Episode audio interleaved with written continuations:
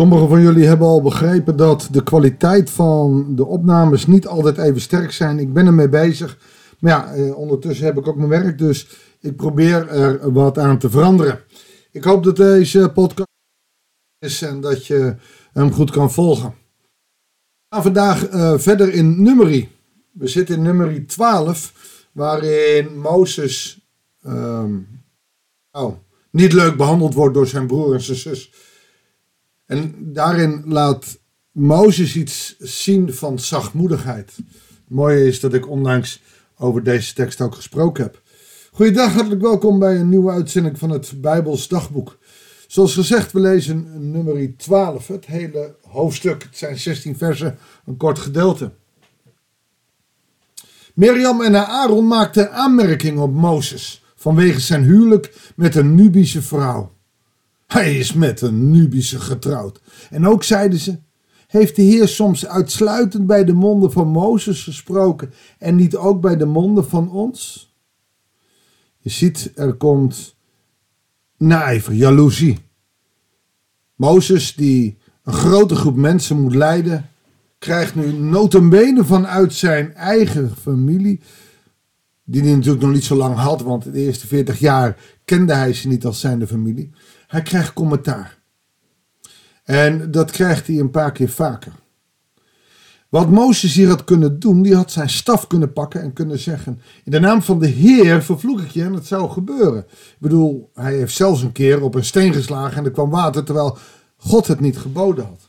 Hij had dus bij wijze van spreken door zijn staf, maar eigenlijk door de macht die God aan hem gegeven heeft, enorm veel macht. Deze gebruikt hij niet. Hij zegt niet, en de Heer heeft gezegd, nee. Hij blijft stil en laat Mozes, of laat God, sorry, voor hem spreken.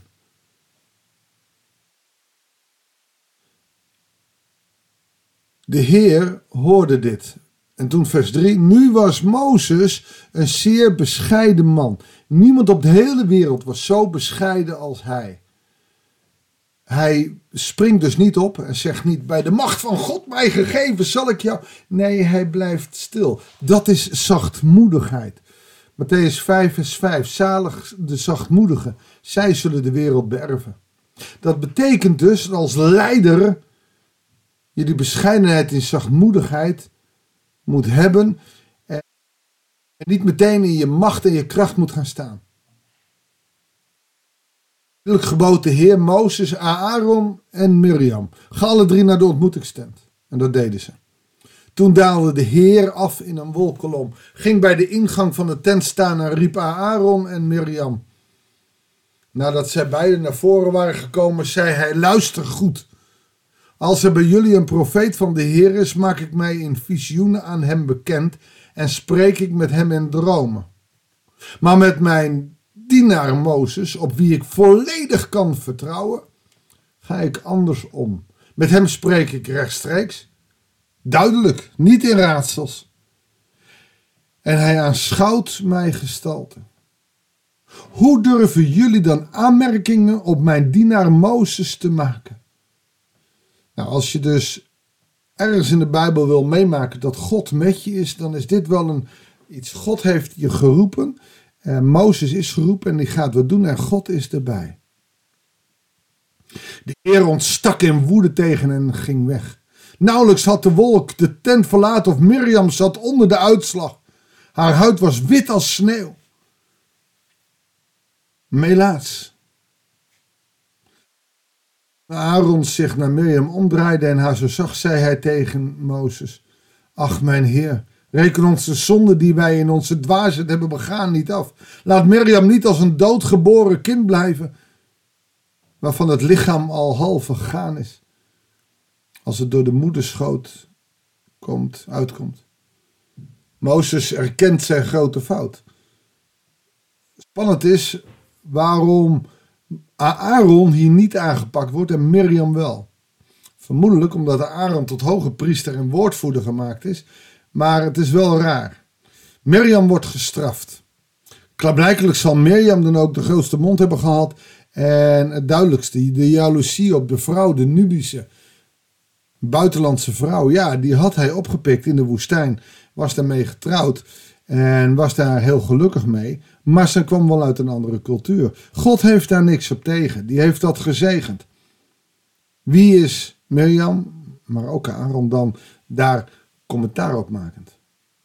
En nu heeft ze van melaatsheid. De pest, of hoe je het nou maar noemen wil. En Mozes roept onmiddellijk tot de Heer. Ik smeek u, God, genees haar. Maar God is niet in één keer te vermurven. En de Heer antwoordde Mozes, als haar vader haar openlijk in haar gezicht had gespuugd, had ze die schande zeven dagen moeten dragen. Daarom moet ze zeven dagen buiten het kamp gehouden worden. Daarna mag ze terugkomen. Zo werd Mirjam zeven dagen buiten het kamp gehouden. Zeven is ook weer het getal van de volheid. Oftewel, God laat zien dat het hem hier menens is. Zeven dagen lang had zij die ziekte.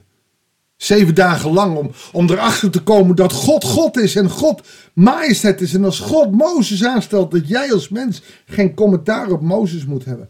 Dat als iemand geroepen is, dat je respect moet hebben voor iemand die geroepen is.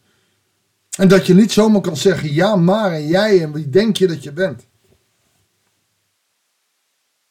Mozes heeft te horen gekregen dat hij een zware taak moest volbrengen. En we weten van Mozes dat hij dat eigenlijk niet wilde. Vier keer toe een excuus had ik niet, Heer.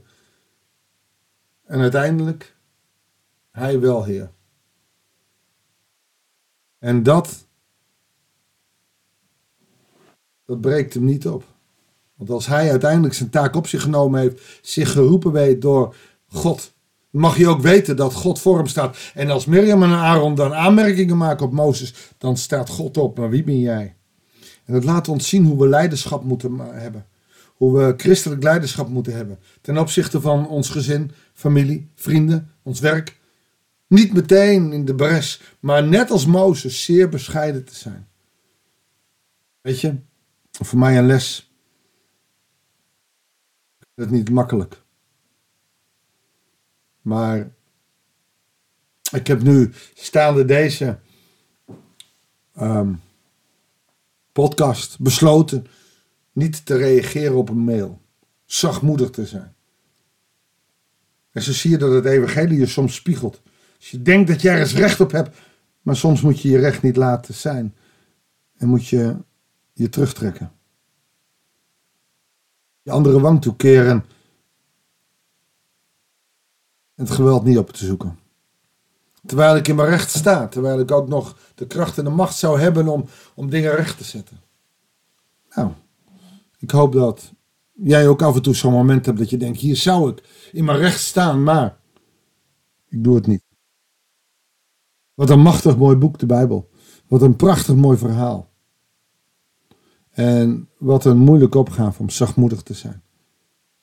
Zullen we bidden dat we door de kracht van de geest daar ook de kracht voor blijven houden. Zodat we op die zachtmoedige manier met elkaar omgaan. Dat is de wil van de Hemelse Vader namelijk. Mag ik met je bidden. Heere God, uw naam zij geloofd en geprezen. Van nu aan tot in eeuwigheid.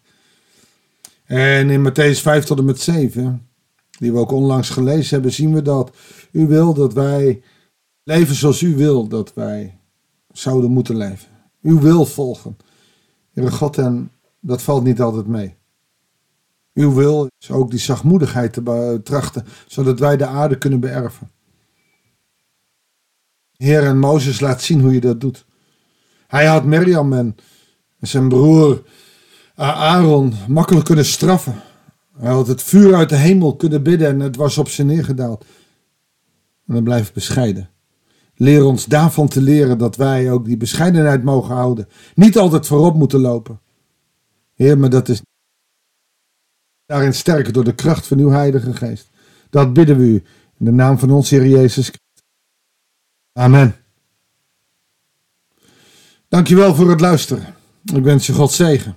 Veel goeds bij dat zachtmoedig zijn. En heel graag tot de volgende uitzending van het Bijbelsdagboek.